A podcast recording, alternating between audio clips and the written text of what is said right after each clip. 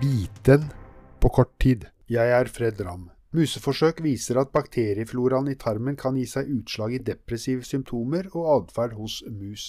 Studien oppsummerer med at en blanding av stress og endret bakterieflora gir mangel på viktige fettstoffer, lipider, som normalt skulle binde seg til vårt indre cannabissystem i det som kalles endokannabinoidsystemet. Ved å endre bakteriefloraen hos friske mus eh, til den bakteriefloraen deprimerte mus hadde, fikk også de friske musene en depressiv atferd. Overføringsverdien til mennesker er litt mer uklar.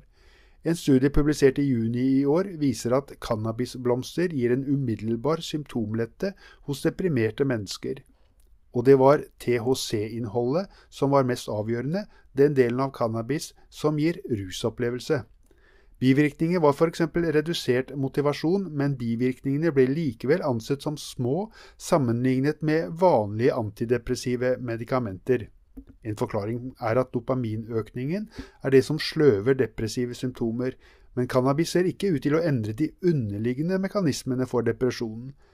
Langvarig eller hyppig bruk av cannabis er derimot forbundet med depresjon og også med suicid.